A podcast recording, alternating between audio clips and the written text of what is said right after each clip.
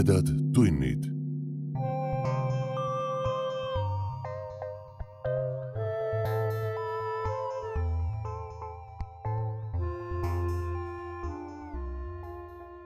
tere, hea ulmesõber.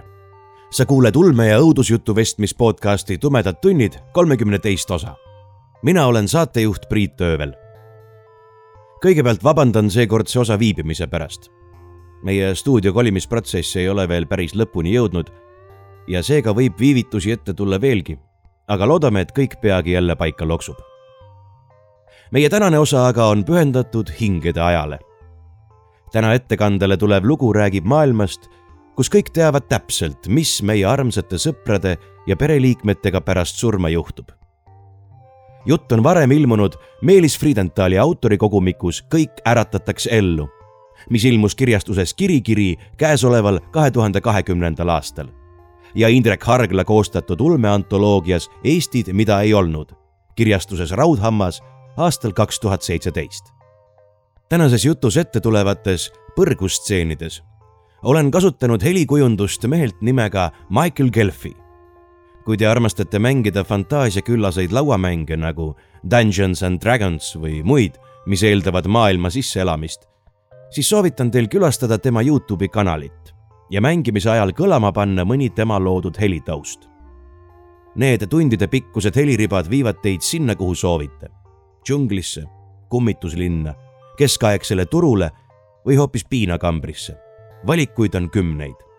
lingid Michael Gelfi Youtube'i kanalile ja eelpool nimetatud kogumikeni leiate sisu tutvustusest. aga nüüd alustame ma loen teile Meelis Friedentali ulmejutu Kasuksepp.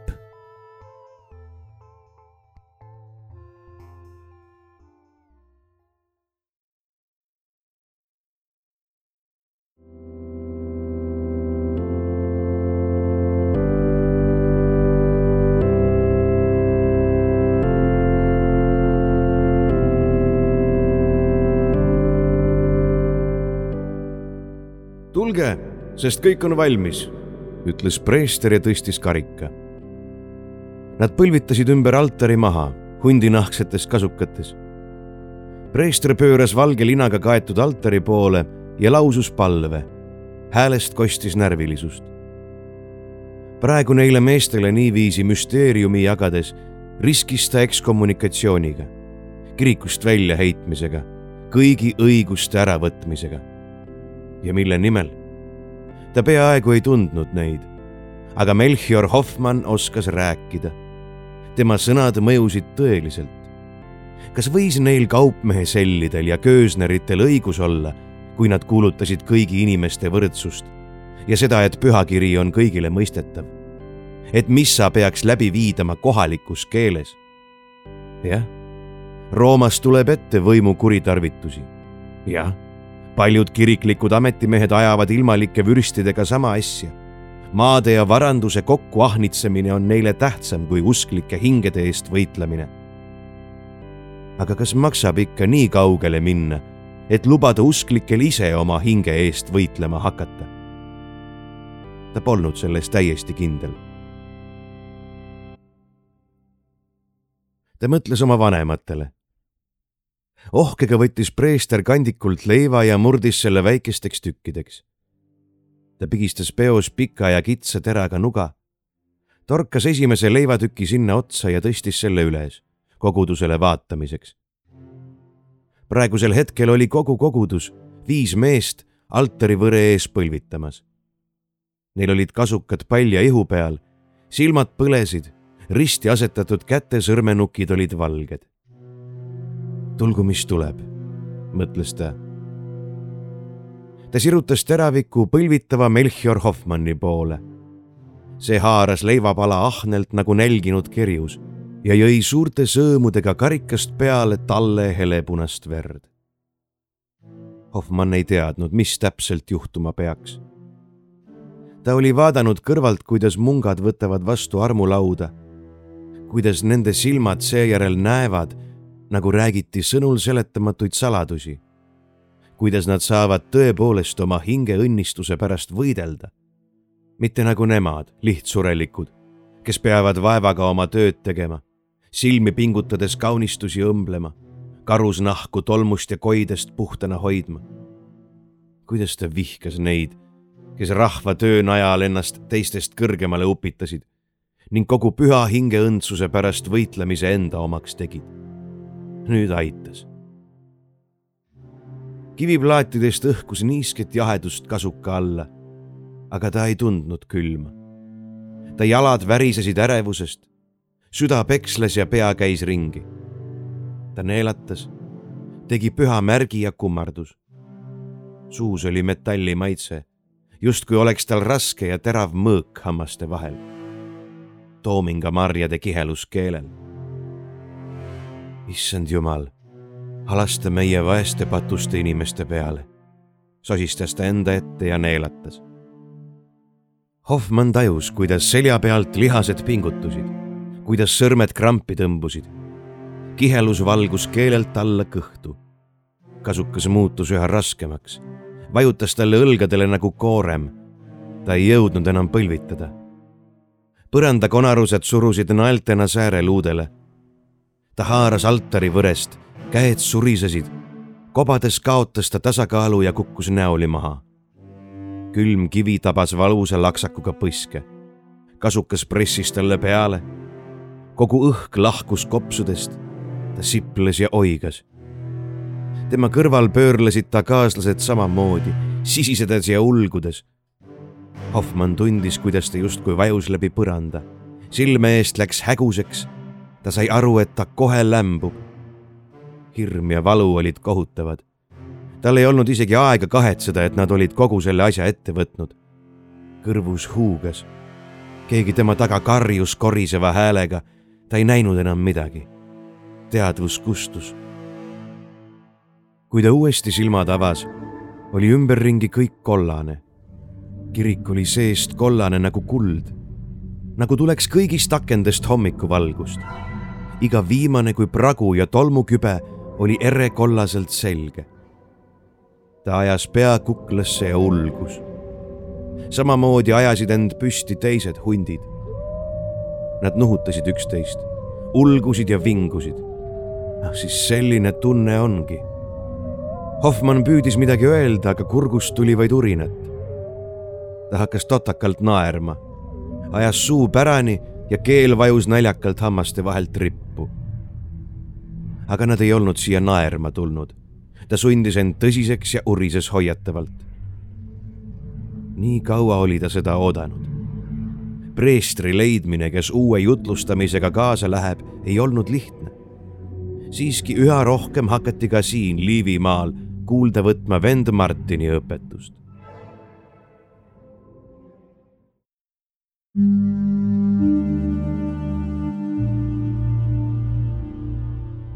Ta ei jõudnud kuidagi kõiki tellimusi täita.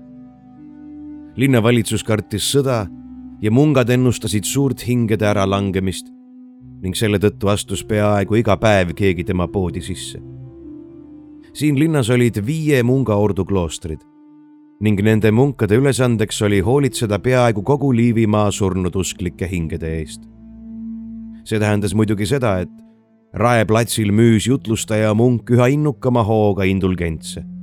maalis pilte puhastustules põlevatest hingedest, kes anuvalt elavate poole karjuvad, kuidas teemonid neid harkidega torgivad keevas õlis küpsetavad ja kiitis sinna juurde kõigile, kuidas vaid mõne veeringu eest on võimalik leevendada oma surnud sugulaste piinu. inimesed kuulasid ammulisui neid lugusid. Naised muretsesid oma haigustesse surnud laste pärast ja mehed oma sünnitusel surnud naiste pärast ning võtsid truult munga laua ette järjekorda. see pani nende surnute nimed endale kirja ja andis vastu paberi kuhu peale oli kirjutatud, kui mitu aastat lühendatakse piinu. kui rahakastis kostab kõlin, siis puhastustules piinlev hing hüppab rõõmust, sest teab, et taevasse pääsemine on nii palju lähemale tulnud. vaid väike hulk sellest rahast sattus pärast Melchior Hoffmanni kätte. aga elamiseks sellest piisas, kuigi ega eriti midagi üle ka ei jäänud aga sellepärast ta väga ei kurtnud. nii oli see kogu aeg olnud. ta muudkui võttis mõõtusid, juhendas teisi kasuksepa selle, vaidles nahakaupmeestega. Need üritasid talle muidugi sokutada kõige viletsamat kaupa ja vedasid kõik väärtuslikumate loomade nahad edasi Saksamaale ja isegi Inglismaale, et nende eest paremat hinda saada. seal olid suured kloostrid ja palju munkasid, kes kõik vajasid kasukaid.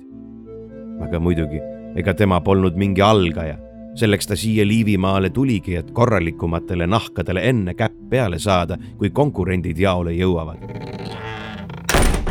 Uks käis ja kõhnuke poiss teatas juba lävelt ilma pikema sissejuhatuseta. kästi kutsuda Melchior Hoffmann. Aptili oleks vaja uut kasukat. ta tõusis püsti ja pani jämeda nõela kõrvale.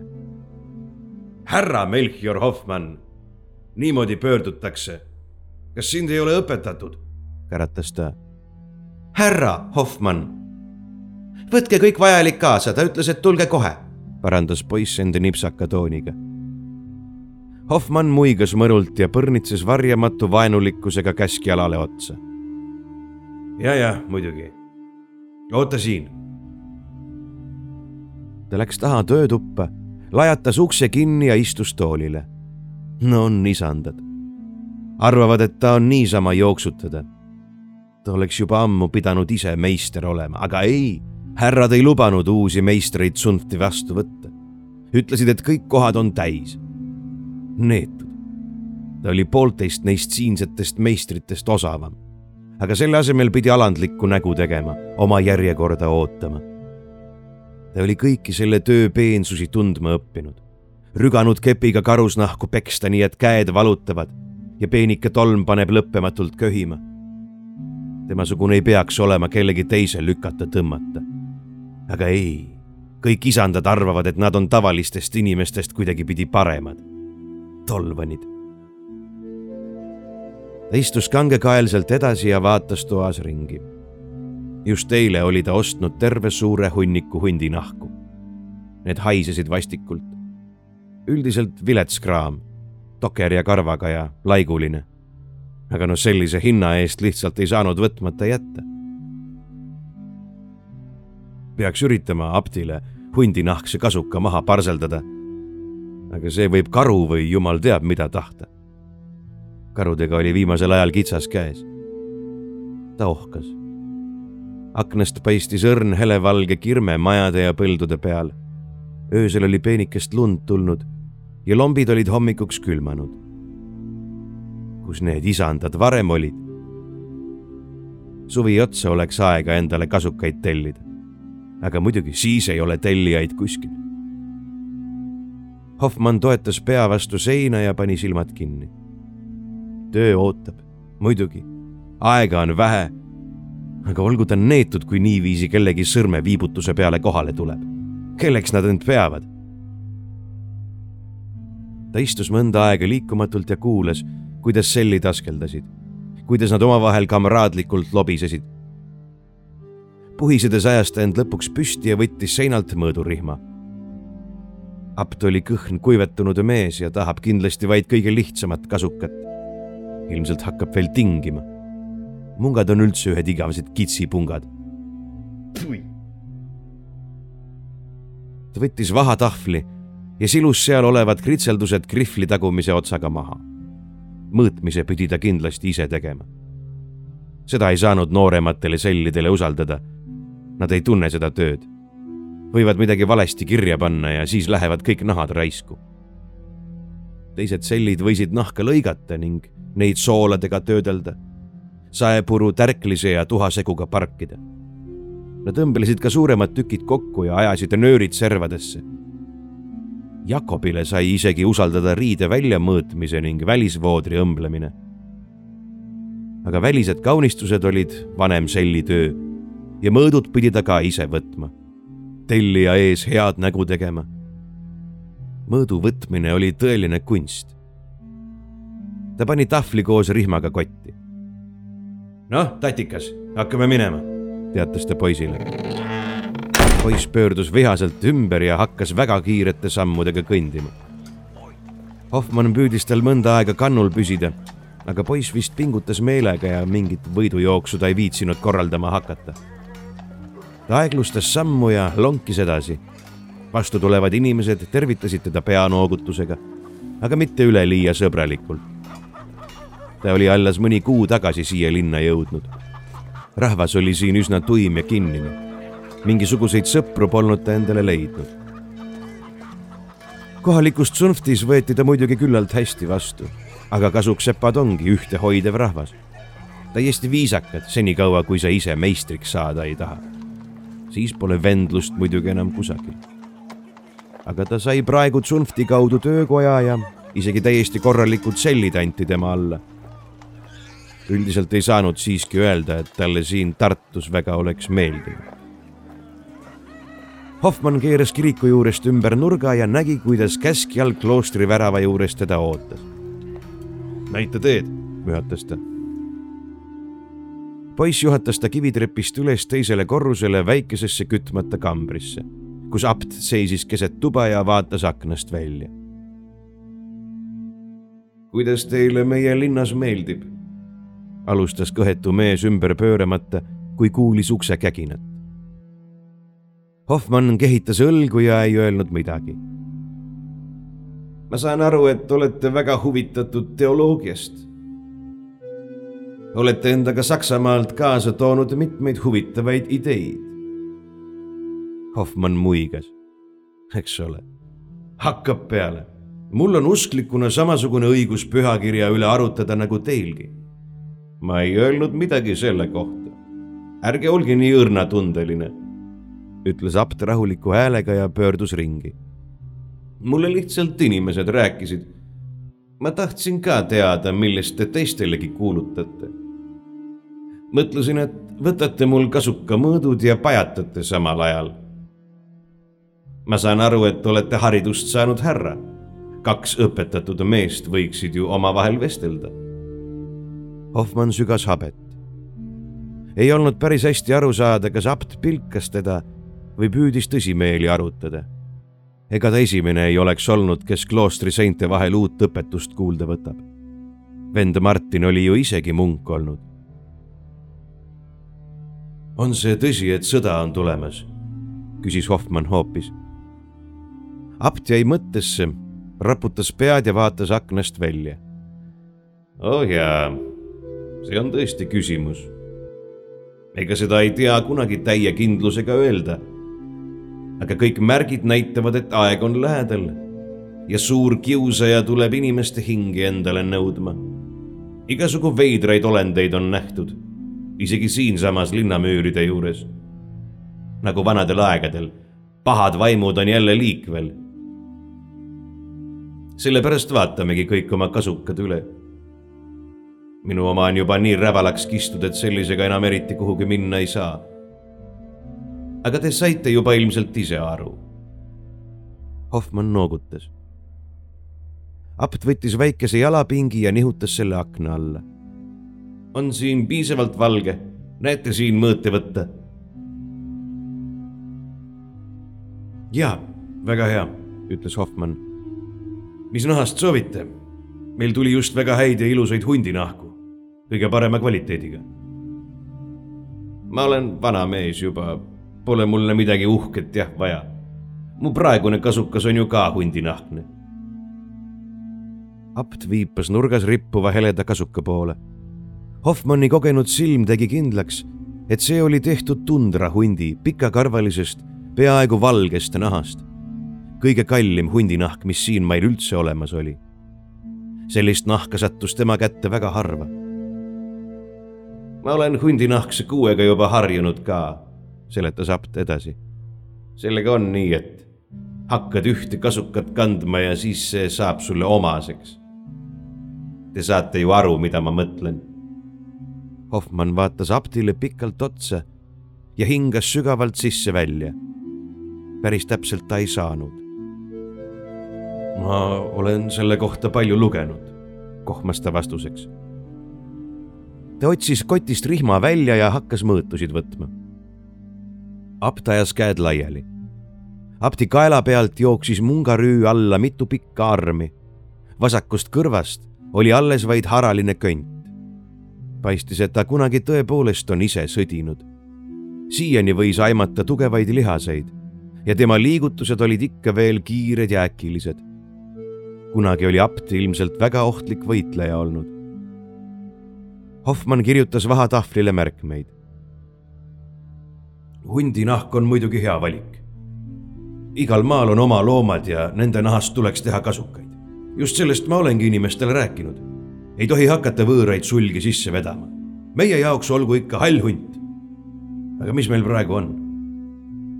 paavst uhkeldab lõvinahast kasukas. nüüd tahab isegi iga väike asjamees endale jääkaru nahka. aetakse tiigreid ja leoparde taga. see on puhas alpus ja edevus. igal linnul oma suled, nagu öeldakse. apt muigas ja laskis käed alla. arvestage palun mõõtudega, et kusagil kitsaks ei jää. Ärge hakake kusagilt nahka kokku hoidma. ja mis alpusesse puutub, siis kust te üldse teate? võib-olla on neil kõige parem just niisuguses rüüs usklike hingede eest võidelda. just, hüüatas Hoffmann kibedusega. kust ma tean ja kust keegi teab? pühades kirjades ütleb Paulus kõigile usklikele, et rüütage ennast õigluse rüüga. Kui kunagi ammu kasuksepad hakkasid jumala sõduritele kuubesid tegema, siis iga usklik võis selle enda õlule võtta. ei olnud vahet rikkal ja vaesel, munkasid siis üldse ei olnudki apt kehitas õlgu. see ongi ju usk, kas pole? muidu oleks see teadmine. ja mis munkadesse puutub, siis see amet loodi alles pärast seda, kui selgus, et ikkagi osa inimesi ei ole vaimseks võitluseks loodud. Kõigist ei saa sõdureid, see on selge. Hoffmann mühatas ja pistis vahatahvli kotti tagasi linnaväravate valvamine ja garnisoni teenistus on küll teil rahumeeli tsunftide korraldada jäetud ma ei näe kusagil, et mungad selle töö peal oleksid.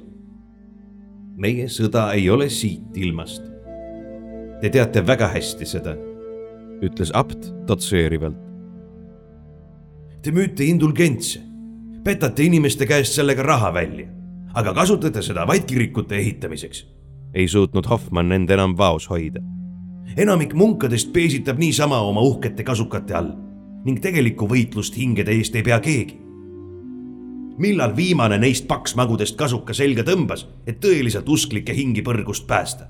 vastake mulle. apt ohkas. see ei ole nii lihtne. Te arvate, et see on lihtne, aga see on väga raske. uskuge mind, seda ei tohiks teha kergekäeliselt. tühi loba ja keerutamine, suskas Hoffmann vahele. sellest ajast alates, kui purgatooriumi lepe tehti, ei ole keegi vaevunud usklike pärast tegelikku võitlust pidama vaid kõik surnud hinged antakse teatud ajaks lihtsalt teemonite piinata. see on häbiväärne. kogu purgatooriumi idee on vastuolus pühakirjaga. iga usklik on tähtis. Hoffmann oli end üles kütnud ning kõndis ruumis edasi-tagasi ringi. olete teemonitest meile ebajumalad teinud. Nende kujusid on kirikud täis. paavst on eksitaja ise ja istub teemonite vägede eesotsas. ah, siis seda te oma töökojas jutlustategi küsis apt pilkava häälega. jutlustan, jutlustan jah. Te teate väga hästi, mida ma jutlustan. olen kindel, et te olete saatnud oma valemungad salaja kuulama, kes teile siis kõigest ette kannavad. kähvas Hoffmann. Ma olen näinud seal ukse juures nihelevaid mungalõustu küll. apt noogutas rõõmsalt. muidugi, kuidas siis teisiti? ma arvasin kohe, et te olete tähelepanelik inimene aga peale selle olen ma rääkinud raehärradega ning ka neile teeb see teie jutlustamine parajalt muret. õigupoolest on küsimuseks, kui hästi see on üldse vend Martini õpetusega kooskõlas. Kust need teie ideed üldse pärinevad? inimestelt, hüüdis Hoffmann.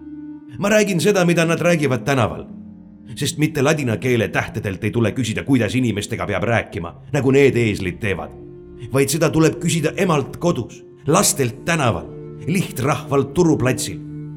ja just neile tuleb suhu vaadata, kuidas nemad räägivad ja selle järgi rääkida. Siis saavad nad sellest aru ja taipavad, et nendega räägitakse omas keeles seda, mida nad mõistavad. Teiesuguste targutamine on kõiki juba ära tüüdanud. apt astus Hoffmannile väga lähedale ja pani talle käe õlale. mina saan teist aru, tõesti Te olete pettunud ja pahane. aga teie ei tea, millest te räägite. olete te kunagi ühtegi oma kasukat ise kandnud? Te ei tea, mida see tähendab. kunagi ei tule siin maa peal sellist aega, kui ei ole vahet rikkal ja vaesel, rumalal ja targal. sellepärast ju meie mungad elamegi almustest, et sõdida vaeste ja rikaste eest teispoolse elu tarvis. siis, kui kõik tehakse võrdseks, kõigi inimeste eest, kes siin ise seda ei suudaks või ei leia aega Hoffmann raputas õlakehitusega apti käe minema ja ladus oma tööriistad kotti. selline korraldus on vale. iga inimene peab suutma iseenda eest sõdida. iga inimene on kohustatud enda eest võitlema. vend Martin kuulutab just seda. pealegi te ei sõdi, vaid olete teinud teemonitega kokkuleppeid ja väga halbu kokkuleppeid. me tühistame kõik need. apt naeratas kurvalt. Hoffmann vaatas veel kord sõjakalt ruumis ringi. head aega. head aega, ütles apt ja ohkas. ta jälgis, kuidas kasuksepp kõmistades trepist alla läheb, kuidas alg ostis õiendamist ja kasuksepa tülitsevat häält. Nad on tõesti sõlminud kokkuleppeid, mille üle ei olnud võimalik alati uhkust tunda. aga väga keeruline oleks nüüd hakata uusi tegema vanu ümber muutma. see võib kogu selle kõikuva tasakaalu paigast ajada ning tulemuseks võib olla jumal teab mis. kirik oli kaua pingutanud, et üldse teemonitega jutule saada. kuidas sa pead läbirääkimisi olenditega, kelle eesmärgid, arusaamad ja tahtmised on sulle täiesti võõrad, vaenulikud ning kelle loomus on vale ja pettus sajandite pikkuse vaidlemise ja diplomaatia tulemusena oli nüüdseks paika loksunud mingisugune suhteline ja mõnes mõttes üsna kallilt ostetud rahu. algusaegadel olid ju need teemonite väehulgad sageli siin linnades ja külades öösiti ringi lennanud, kaevandustes inimestele kallale karanud, järvedes lapsi uputanud. vaevalise tööga olid mungad kuradid lõpuks tühermaadele kõrbetesse ja sealt edasi purgatooriumi peletanud. see oli kõik raamatutes kirjas, püha Antoniuse kangelasteod. aga muidugi hinnaga, kõike saab vaid teatava hinna eest. kas ta arvas, et olukord oli ideaalne? ei, seda ei arvanud keegi. aga see oli olukord, mida nad vähemalt tundsid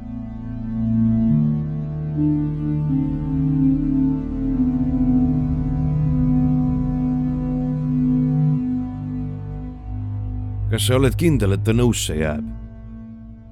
noh, päris kindel muidugi mitte, aga ta on kuuldavasti veidi aega Wittenbergis ülikoolis käinud. ma ei tea, äkki ta on isegi vend Martiniga kokku puutunud. Hoffmann kergitas kulme. tõesti või? väga huvitav. sel juhul muidugi, loodetavasti saab ta ikka missa läbiviimisega hakkama Hoffmann kõndis koos kahe selliga linnamüüri ääres asuva väikese mitte-saksa kiriku juurde. kiriku esisel platsil uitasid ringi kanad ja sead, kuigi maa oli juba külmanud ja ammu oleks aeg olnud saata loomad lauta sooja. ühtegi inimest praegusel kellaajal seal kauplemas ei paistnud. tellistest kirikuportaalilt vaatasid heinakuhja ja tühjade laudade poole välja sirutatud keeltega, soku habemete ja sarvedega krimpsus näod. terve kiriku esimene külg oli kunagi punaseid kuradeid täis nikerdatud. väänlevad draakoni kehad, teravate hammastega metsloomad nendega võitlemas. ehitusmeistrid olid hoolikalt vaadanud, et ükski nägu ei korduks. iga teemon oli teistest veidi erinev ja kõigi käes oli mingisugune piinariist Need pidid inimestele lakkamatult meelde tuletama, mis neid pärast surma ootab. Hoffmann mühatas pahaselt ja marssis kiriku uksest mööda väikese kõrvalhoone juurde. ta tampis senikaua uksele, kui see kriuksakaga praokile tehti ja pikka kasvu kõhnuke preester talle murelikult otsa vaatas. preester oli noorepoolne mees, lihtsa musta vammusega ja üle kõrvade tõmmatud õpetlase mütsiga. tundus, et ta oli just laua tagant kirjutamast püsti tõusnud. sõrmedel paistsid tindiplekid. kas sina oled Andreas Tiirvender, Wittenbergis õppinud? me tulime sinuga rääkima, alustas Hoffmann.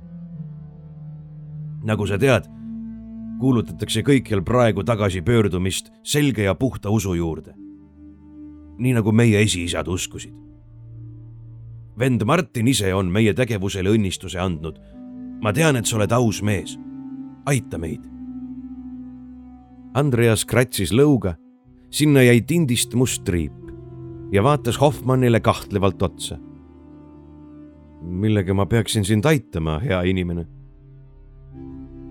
meil on siin mõned usklikud, kes sooviksid sinu käest armulauda saada, teatas Hoffmann otsekoheselt parem on keerutamata asja juurde minna. leiva ja talle verega. Andreas astus kohkunult sammu tagasi ja oleks isegi ukse kinni tõmmanud, kui Hoffmann ei oleks enne targu saapanina piida vahele pistnud. oota, hüüdis Hoffmann. kuula mind ära. preester ei öelnud selle peale midagi, lihtsalt seisis ja vaatas uksepraost kummargil ja kohkunult nende poole. kuula mind sisendas Hoffmann. sa oled õppinud mees. sa oled selle peale ise mõelnud, ma olen kindel. ma tean, et me oleme valmis. kõikjal maal kuulutatakse head sõnumit. ma tulin siia ju läbi Saksamaa. maa on ärganud. igal pool targad preestrid ja inimeste sõbrad võtavad enda peale inimesi tõeliselt aidata. ma tean, et sa ei ole nagu need arad paksmagudest mungad, kes oma pehmetel vooditel lösutavad las me oleme siinse maa uudse vili, seeme, mis annab tuhatkordselt saaki. see kirik on läbi ja lõhki mäda, soo täis hambutuid krokodille. me peame selle kuivendama ja viljakandvaks maaks muutma. Andreas pani käed kokku ja lõi pilgu maha. Hoffmann vaatas teda põlevate silmadega. Nad kumbki ei öelnud tükk aega ühtegi sõna Hoffmanni kaks kaaslast nihelesid murelikult. ka nemad ei olnud päris kindlad. selge see, et kui preester otsustab nende peale nüüd kaevata, siis võib sellest päris korralik jama tulla. praegu on just kõige parem tööaeg ka ees. kui neid linnast välja aetakse, siis lasevad nad hea hulga tellimusi niisama lihtsalt käest. mine tea, millal jõuab kusagil mujal oma töökoja valmis sättida kas teil kasukad on? küsis preester lõpuks ohkega. hüüdis Hoffmann võidukalt. kas meil kasukad on, poisid? kuidas teisiti? kõigil on meil parimad kasukad, mis sa ise arvad siis? ma toon sulle ka ühe kasuka, karunahast. tahad karunahka? Andreas kratsis uuesti lõuga ja ajas seda tehes tindipleki veel rohkem laiali. see on väga uhke muidugi. ma ei teagi võid mulle küll kasuka kaasa võtta, aga lihtsa. Pole mul leputama vaja hakata. Hoffmann noogutas teenistusvalmilt. millal alustame? tulge siis kesköö ajal. aga nii, et teist mitte üks piuks kuulda pole. linnavahid ei tohi teid märgata, ütles preester. Hoffmann mühatas energiliselt ning tõstis vandeseltslikult rusika. näeme Andreas vaatas, kuidas nad kolmekesi üle platsi minema kõndisid, hõlmad pärani. sikutas siis ukse vaevaga kinni ja toetas pea piidale. muidugi oli ta selle peale mõelnud. praegu mõtlesid kõik selle peale. oli näha, et midagi peab muutuma. nii enam asjad kesta ei saa. ta oli hiljuti oma isa ja ema matnud. mõlemad olid väikese vahega surnud ja vastavalt kokkuleppele sattusid nad kõigepealt purgatooriumi esimesse ringi. Neid piinatakse ja vägistatakse seal väävlijärvedes ja keevas õlis senikaua, kuni määratud aeg läbi saab. Nad olid mõlemad head ja vaiksed inimesed olnud. Nad ei olnud seda ära teeninud. Andreas oli oma preestri seisusele rõhudes munkasid palunud, anunud, et nad hoolitseksid tema vanemate eest aga saanud vastuseks vaid õlakehituse. et praegu sureb nii palju inimesi, nad ei jõua kõigi eest võidelda. mitte kallaletungi leping teemonitega tähendab, et surnud hinged peavad mõnda aega purgatooriumis olema. ta teadis seda. ta oli seda õppinud ja täpselt sedasama rääkinud ka inimestele ise. ta mäletas selgelt, kuidas kanoonilise õiguse loengutes seletati teemonitega tehtud lepingute peensusi kuidas auväärne doktor oli neile rääkinud, et vahel tuleb valida kahest halvast vähem halb. et diplomaatia on kompromisside teadus. aga isegi siis ei olnud ta täiesti kindel. tal oli kogu aeg selline tunne, et see ei ole täiesti auväärne, puhas ja selge. hiljem tööle asudes sai ta alles aru, miks.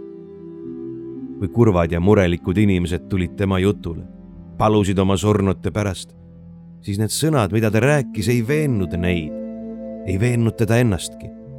ta teadis, et ta lihtsalt lohutab neid, räägib neile sõnu, uinutab nende õiglustunnet. tegelikult aga ei tohiks asjad niimoodi olla. ta astus kirjutuspuldi taha ning libistas pilgu üle oma märkmete. Need olid kommentaarid Erasmuse raamatule, kus ta rääkis kujust, kes on väljast inetu ja tahumatu aga kui see avada, siis olid seal sees kaunid nikerdused ja kaunistused. nii võib olla ka inimestega. mis sest, et see Hoffmann paistab tahumatu ja äkiline.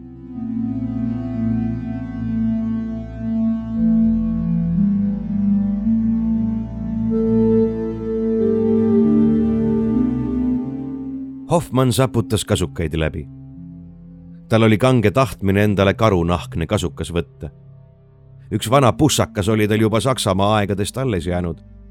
aga samas miski apti jutus oli jätnud talle mulje, et võib-olla oleks ikkagi hundinahast kasukas parem. ta ei olnud päris veendunud.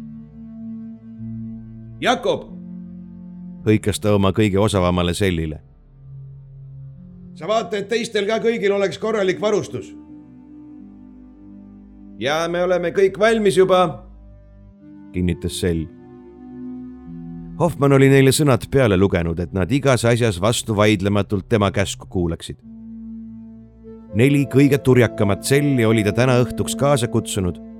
poisid olid igast mungast vähemalt poole tugevamad ja ega ta ise ka päris paberist ei olnud. küll ta sellele aptile veel näitab, et tema ei saa aru, mis võitlemine tähendab Nad lähevad praegu ja võitlevad. ja siis läheb ta kloostrisse tagasi ja ütleb kõik, mis ta sellest asjast arvab. nii, lähme ja mitte üks piuks. pimedale tänavale hiilides hakkasid nad hanereas kiriku poole minema. tee ei olnud pikk, aga ilma laternata polnud üldse näha, kuhu astuda ja oli oht millegi otsa komistada. taevas oli täiesti pilves ja kuuvalgust polnud peaaegu üldse. ainult nii palju, et selle hägus joonistusid välja tornid ja müürid. tänavad aga olid pimedad nagu kelder. täna öösel oli linna vahiteenistus mustpeade korraldada ja ta sai üldiselt nendega päris hästi läbi. tõenäoliselt ei oleks mingit tüli nendega tekkinud, kui nad ka oleksid valvuritega kokku põrganud.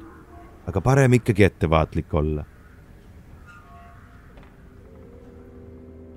kui nad kirikusse jõudsid, siis oli preester juba altari juures, mis oli valgustatud vaid ühe väikese küünlaga.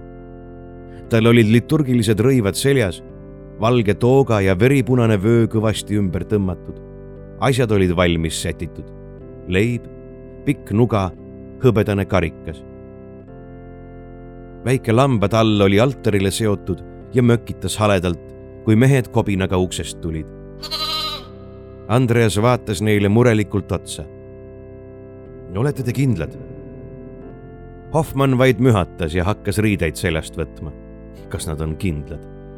kurat, võtaks nad on kindlad.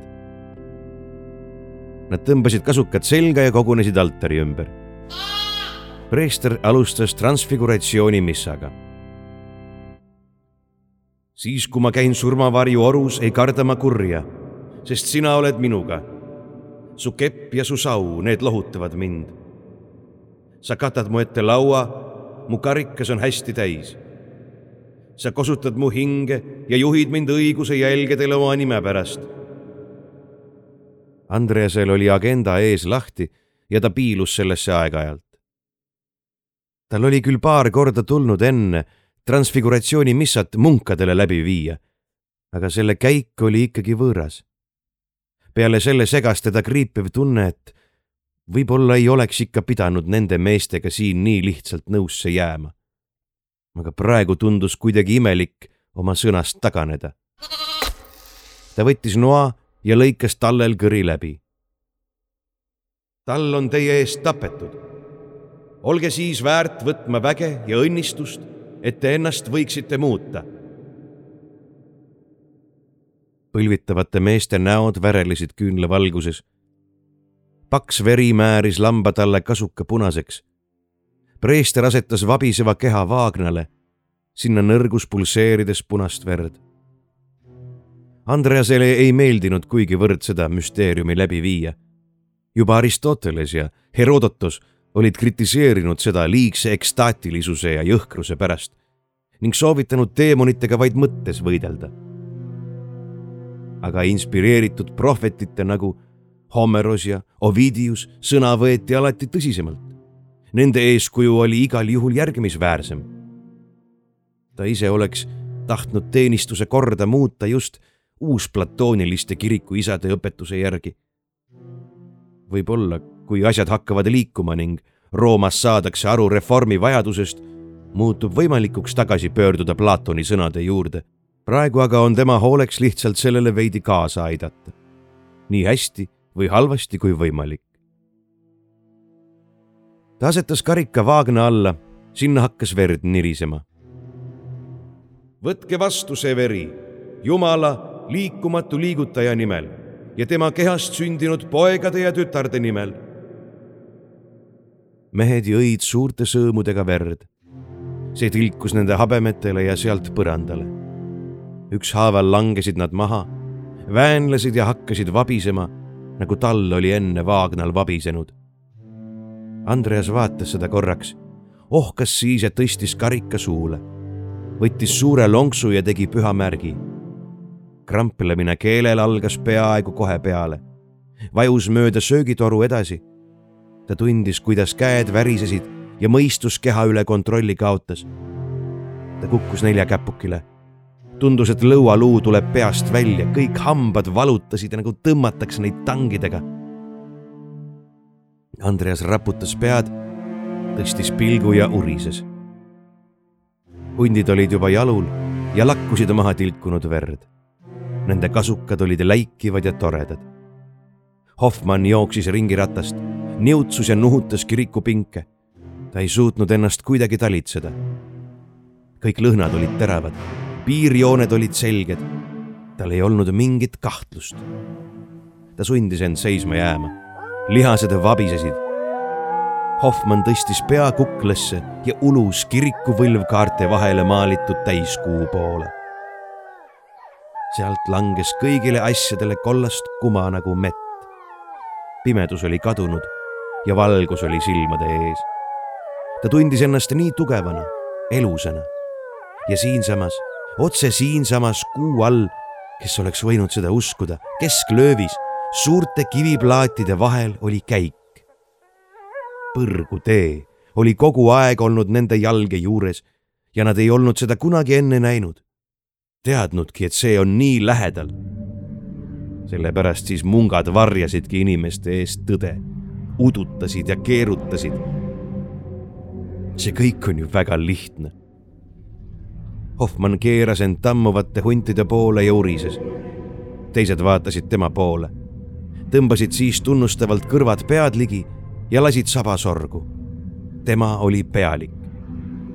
Nad ei olnud siia tulnud niisama ringi vahtima nüüd saavad nad tõeliselt inimeste ja usu eest võidelda.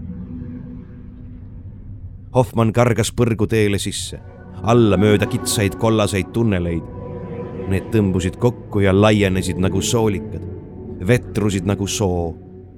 teised hundid sörkisid tema kannul. ta kuulis nende ähkimist ja lõõtsutamist. Nad leiavad nüüd need teemonid üles. Nad võitlevad nendega ise ei ole vaja munkade kokkuleplust ja keerutamist.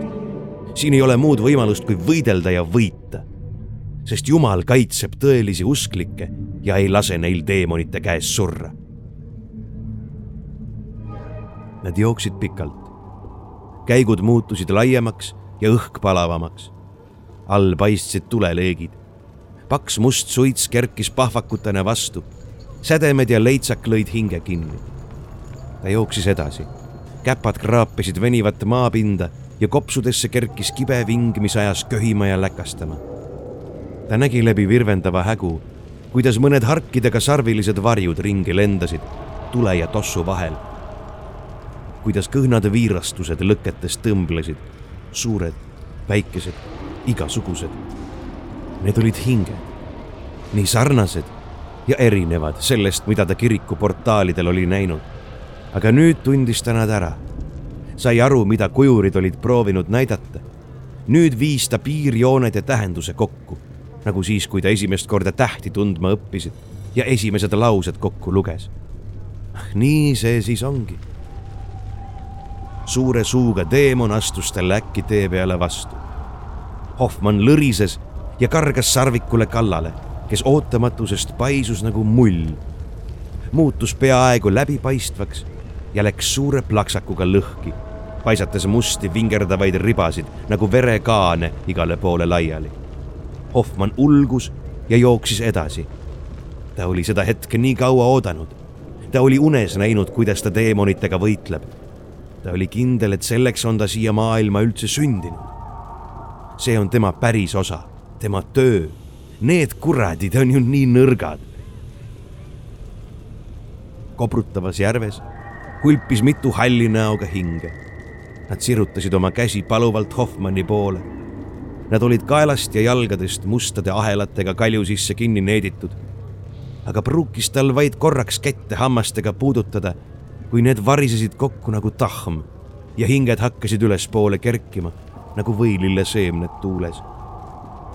ta vaatas, kuidas õndsad ja naeratavad hinged järjest kõrgemale tõusid kuidas nad kuuma õhu käes edasi-tagasi lendlesid, kandusid kõrgele koopa hämuse lae alla ja haihtusid siis üles taevasse. just nii, nii peab see olema. raja kõrvalt sinisest lombist kargas välja järgmine teemon ja hakkas suure häälega kiljuma. leegid teeraja kõrval värelesid, tuhisesid siia-sinna, kasvasid kõrgele nagu puud, nagu hakid okstelt kerkis mitmelt poolt tossu seest äkki välja teemoneid, kes samamoodi kriisates ja hambaid kriistades, vongeldes linnuparvena tuules sabisesid. krabiseva ja kriiskava puntrana jõudsid nad kohale, krabasid tal karvadest kinni ja hakkasid sakutama ja küünistama. Hoffmann hüppas ja proovis neid hammustada, aga need olid liiga kiired, liiga kerged. ta sai lõpuks ühel hammastega käest kinni, rebis ja raputas seda teemon plõksatas puruks nagu hiiglaslik puuk. paks veri kobrutas maas. teised kurja vaimu sigutikud üürgasid ja taganesid temast eemale.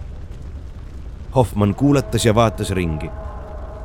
veidi eemal oli kuraditel õnnestunud üks hunt maha suruda ja saatanad karglesid nüüd seal peal nagu kamppahve, üritades oma puserdi hammastega hundi kõrvu närida.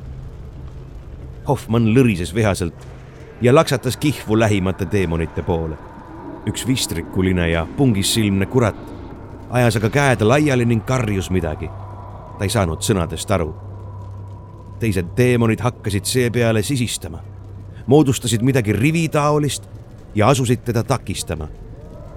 Hoffmann suutis isegi imestada, et neil paistis olevat teatud distsipliin ja süsteem. ta pingutas lõgistas raevunult hambaid ühele ja teisele poole ning üritas rivist läbi murda. eemalt nägi ta, kuidas ahvisarnane teemon oli hundilt. vist oli Jakob, juba kõrvade juurest kasuka katki närinud ja nüüd proovis sealt servast sikutades sepasellilt nahka seljast maha tõmmata. Alt paistsid verised juuksed ja hädine nägu.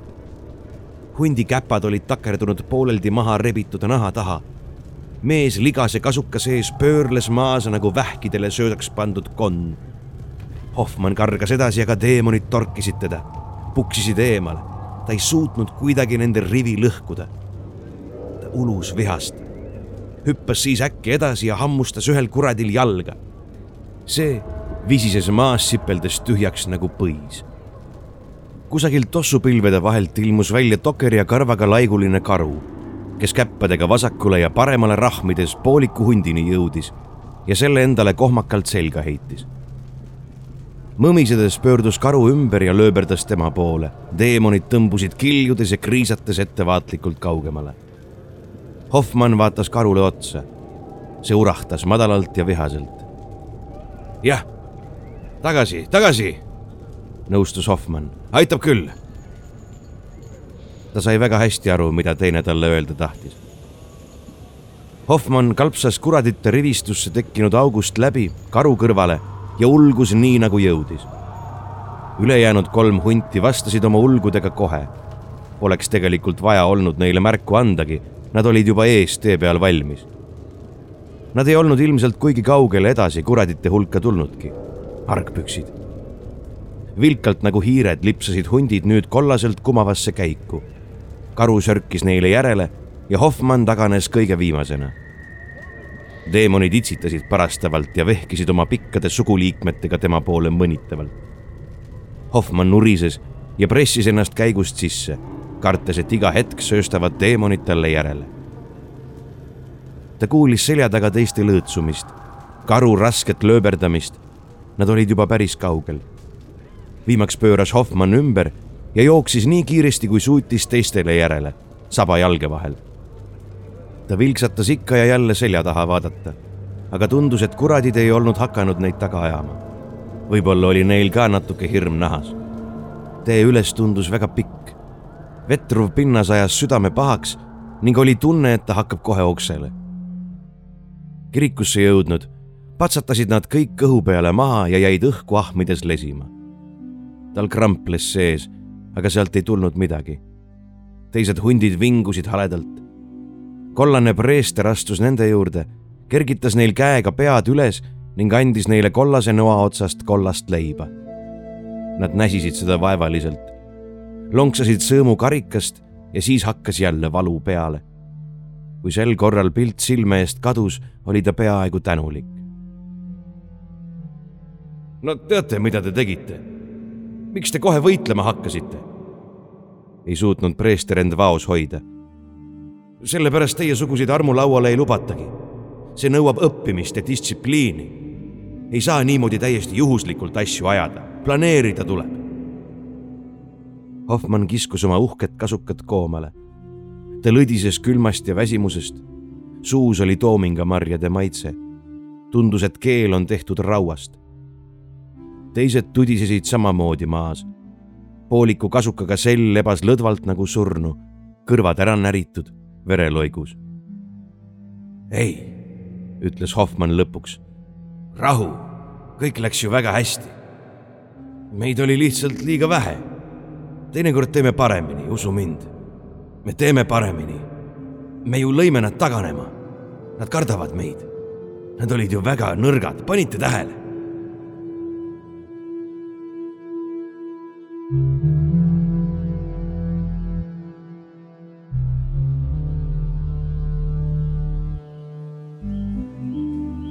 Ta seisis heinavankrist tehtud poodiumil Saksa kiriku ees platsil ja kõneles.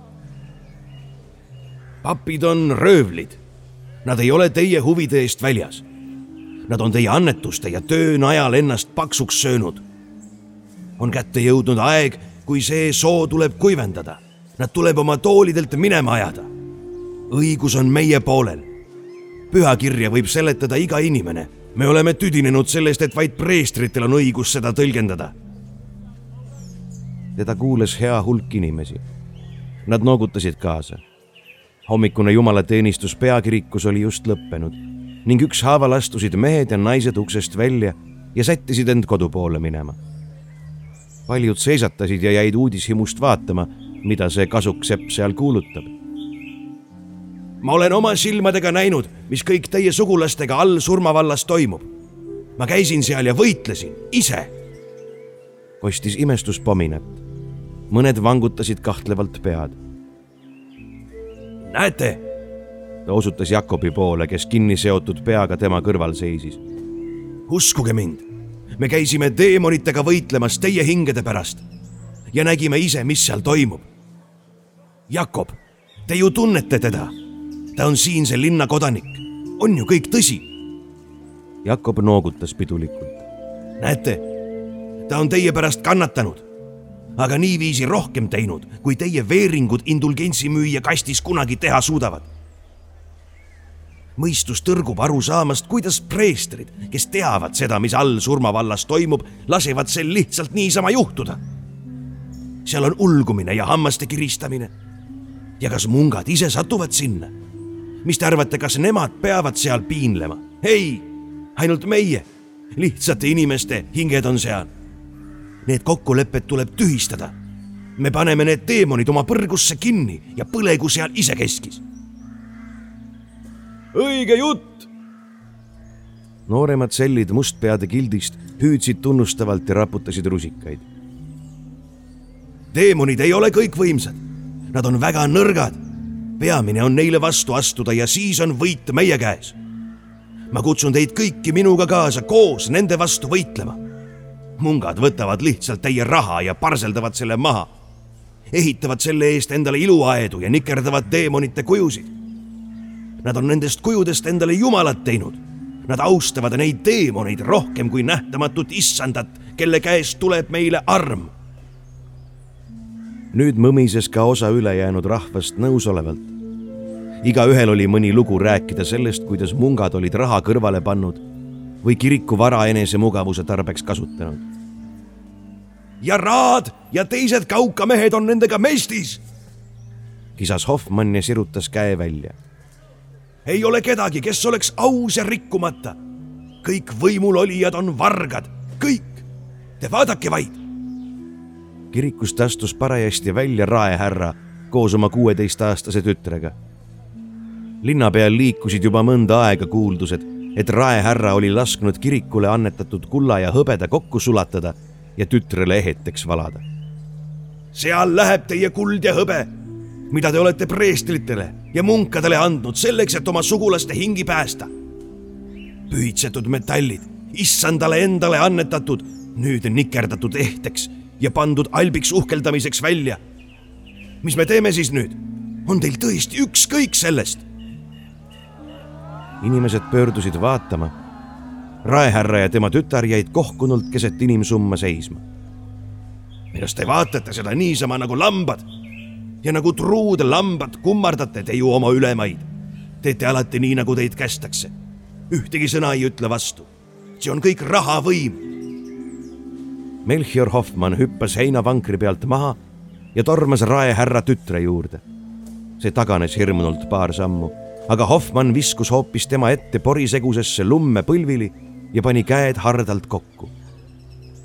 langege siis kõik koos minuga põlvili sest see kuld ja hõbe, mida te näete, on ju pühitsetud ja kirikule mõeldud. andke sellele siis austust, mis on pühitsetud esemetele vääriline. truud ja ustavad lambad, nagu me kõik oleme. mustpeasellid viskusid tema kõrval irvitades palvesse, ise pilkavalt hirmunud tüdruku poole jõllitades. mõned teised rahva hulgast järgisid nende eeskuju, kostis naermist ja naiste itsitamist ma, kogeles tüdruk ja läks näost punaseks. mis siin toimub? käratas raehärra vihaselt. selle peale aga langes üha rohkem inimesi põlvili, naeru pugistades ja tõsist nägu ette manades. Tüdruk hakkas nutma ja jooksis varrukaga nägu varjates minema. raehärra põrnitses veel vihaselt põlvitavaid inimesi ning pöördus siis sõnagi lausumata tüdrukule järele. näete nüüd näete nüüd! hüüdis Hoffmann püsti karates. ta jooksis tagasi oma heinavankri juurde ning sellid tõstsid ta sinna peale. just nii, nagu need siin minema jooksid. jooksevad teemonid meie eest minema, kui me kõik koos oleme, kui me tõsiselt palvetame. kui ma oma sellidega all käisin, siis suutsime me mitu teemonit hävitada. aga meid oli nii vähe.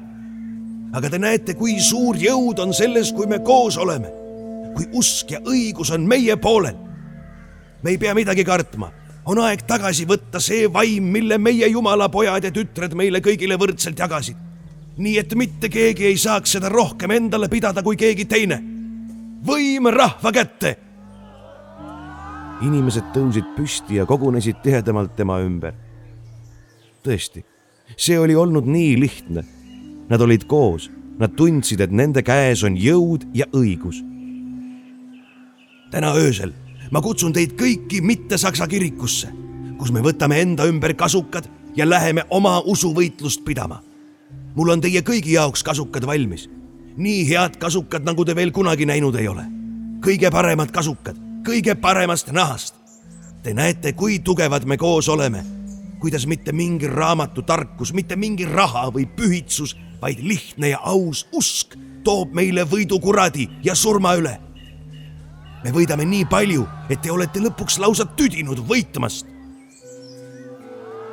inimesed hõiskasid, kõigil olid näod rõõmsad. käeviipega vaigistas Hoffmann neid. issanda nimel me palvetame. Võit on meie päralt vaid siis, kui me oleme hingelt puhtad, usus kindlad ja toetame üksteist viimase lõpuni. ei mingeid kõhklusi, ei mingit taganemist täna öösel võtame me vastu leiba ja verd ja vabastame surnute hinged. teeme neile tee vabaks taevasse. oma palvetega ehitame me taevaredeli ja hõisates kõnnivad piinast vabastatud sealt üles, lauldes issandale kiitust. sest mitte meie, vaid kõige kõrgema päralt on au. Inimeste silmad põlesid. kõik tundus võimalik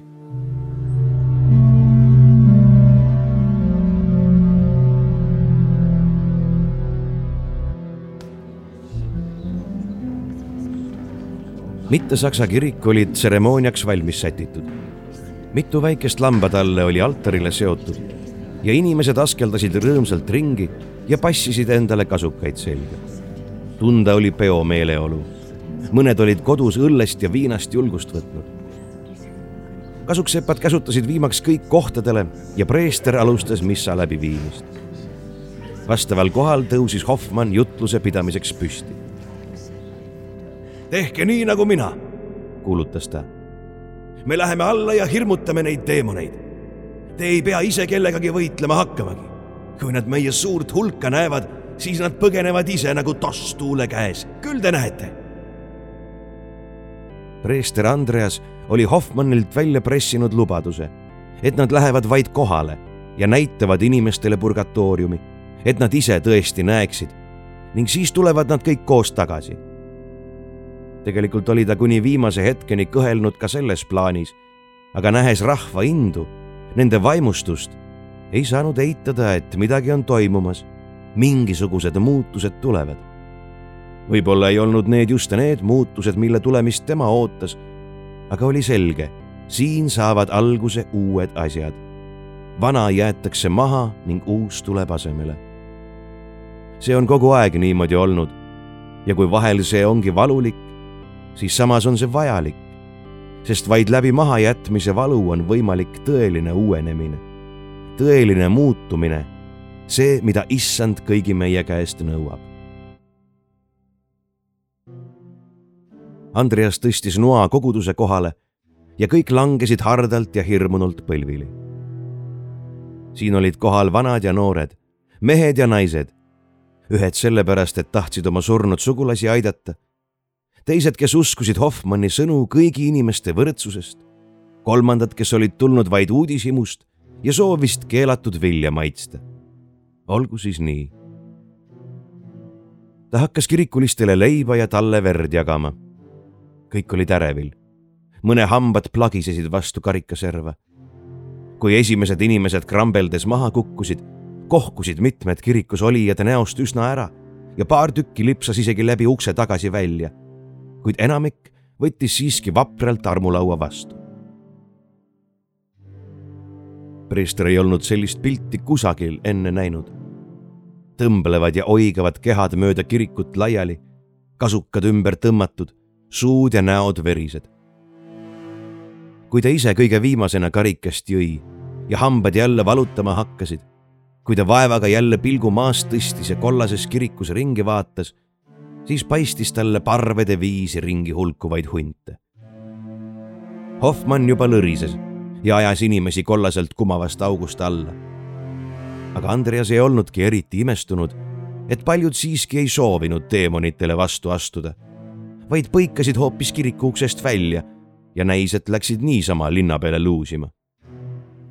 Hoffmann püüdis neid oma sellidega tagasi ajada, aga nood kalpsasid kõrvale ja pudenesid mitmes suunas laiali. Hoffmann ulgus ja urises, aga asjata. lõpuks õnnestus neil ikkagi enamik rahvast kiriku keskele kokku karjatada ning hundid hakkasid vaprusest värisedes Hoffmanni kannul käigusuust sisse tippima. ta vaatas murelikult ringi ja kõndis neile järele. aga mis siis saab, kui teemonid neid ikkagi ründavad? Neid oli paras hulk ja kui nad kokku hoiavad, siis ei tohiks midagi hullu juhtuda.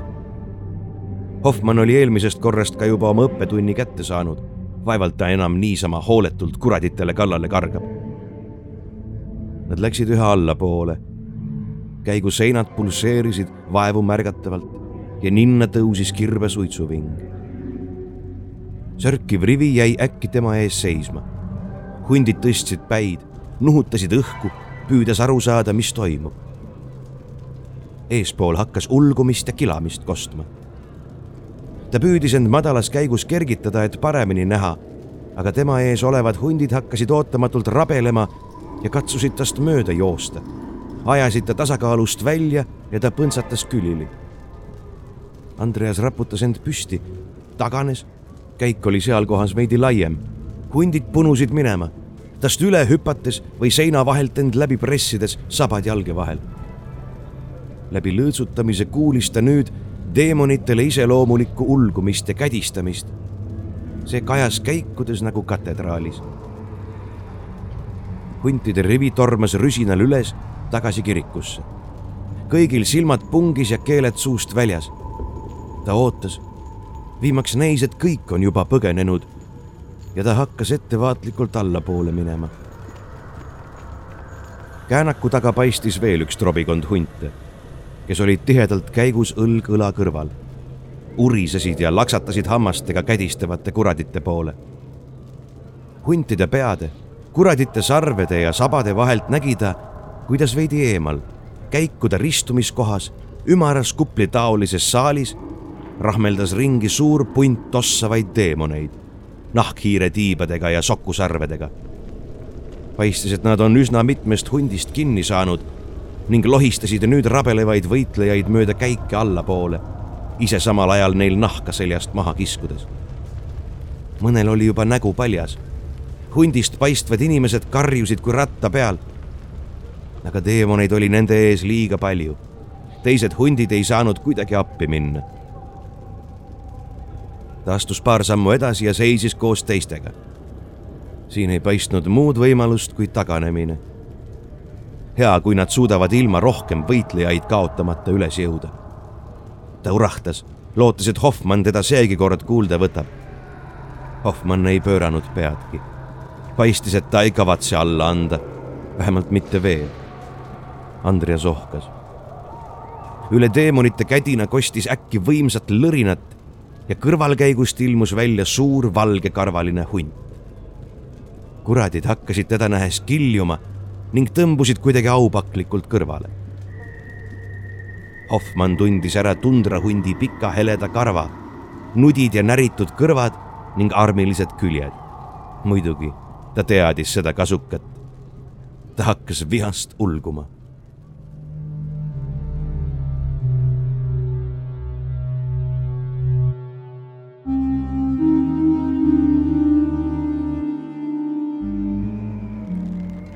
terve Saksa kiriku esine plats oli inimesi täis. seal olid linnakodanikud ja talupojad, naised, mehed, lapsed, kes kõik kaelad õieli tema poole üles vaatasid. mõned varjasid kätega silmi. harv hommikune talvepäike oli välja tulnud. see peegeldus lume pealt vastu. õhk oli selge ja karge. siin üleval puhus kibe külm tuul. jõnkshaaval liikus tema kitsas puur järjest kõrgemale, kuni see lõpuks kolksakaga pidama jäi. inimesed hõiskasid all, väikesed nagu putukad. eemal poodiumi peal tõusid raehärrad püsti ja rahvas jäi käeviibutuse peale vaikseks.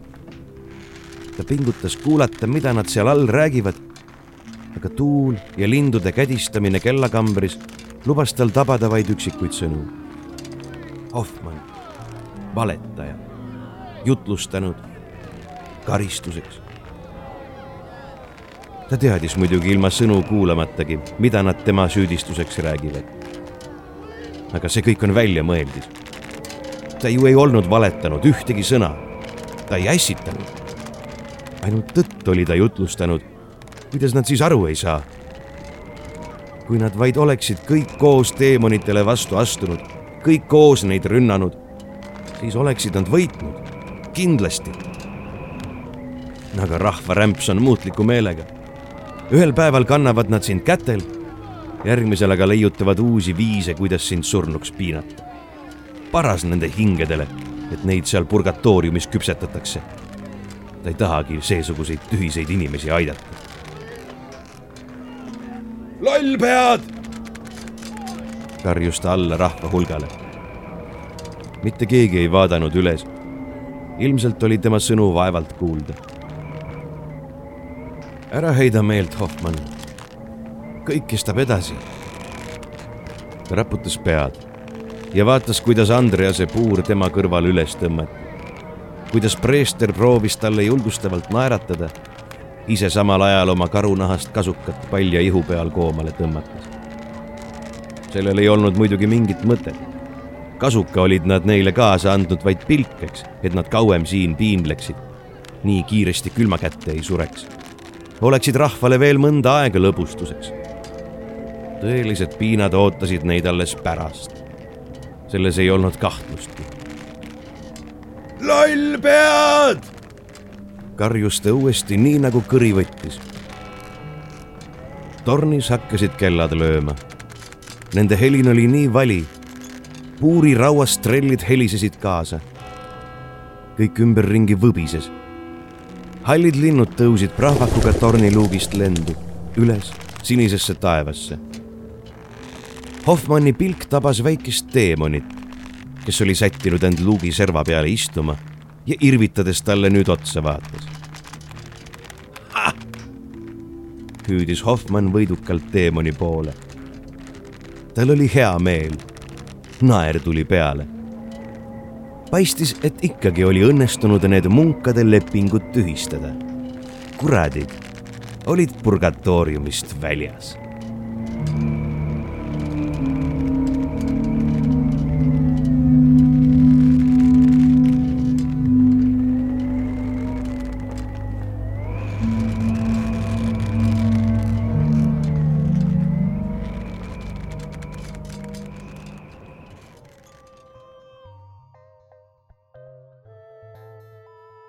ja ongi tänaseks kõik.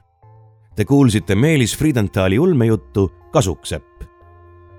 paar päeva tagasi nägi ilmavalgust ka meie uus osa sarjast Tumedad tunnid ekstra, seekord juba seitsmes, mis sisaldab endas kolme tõlkelugu.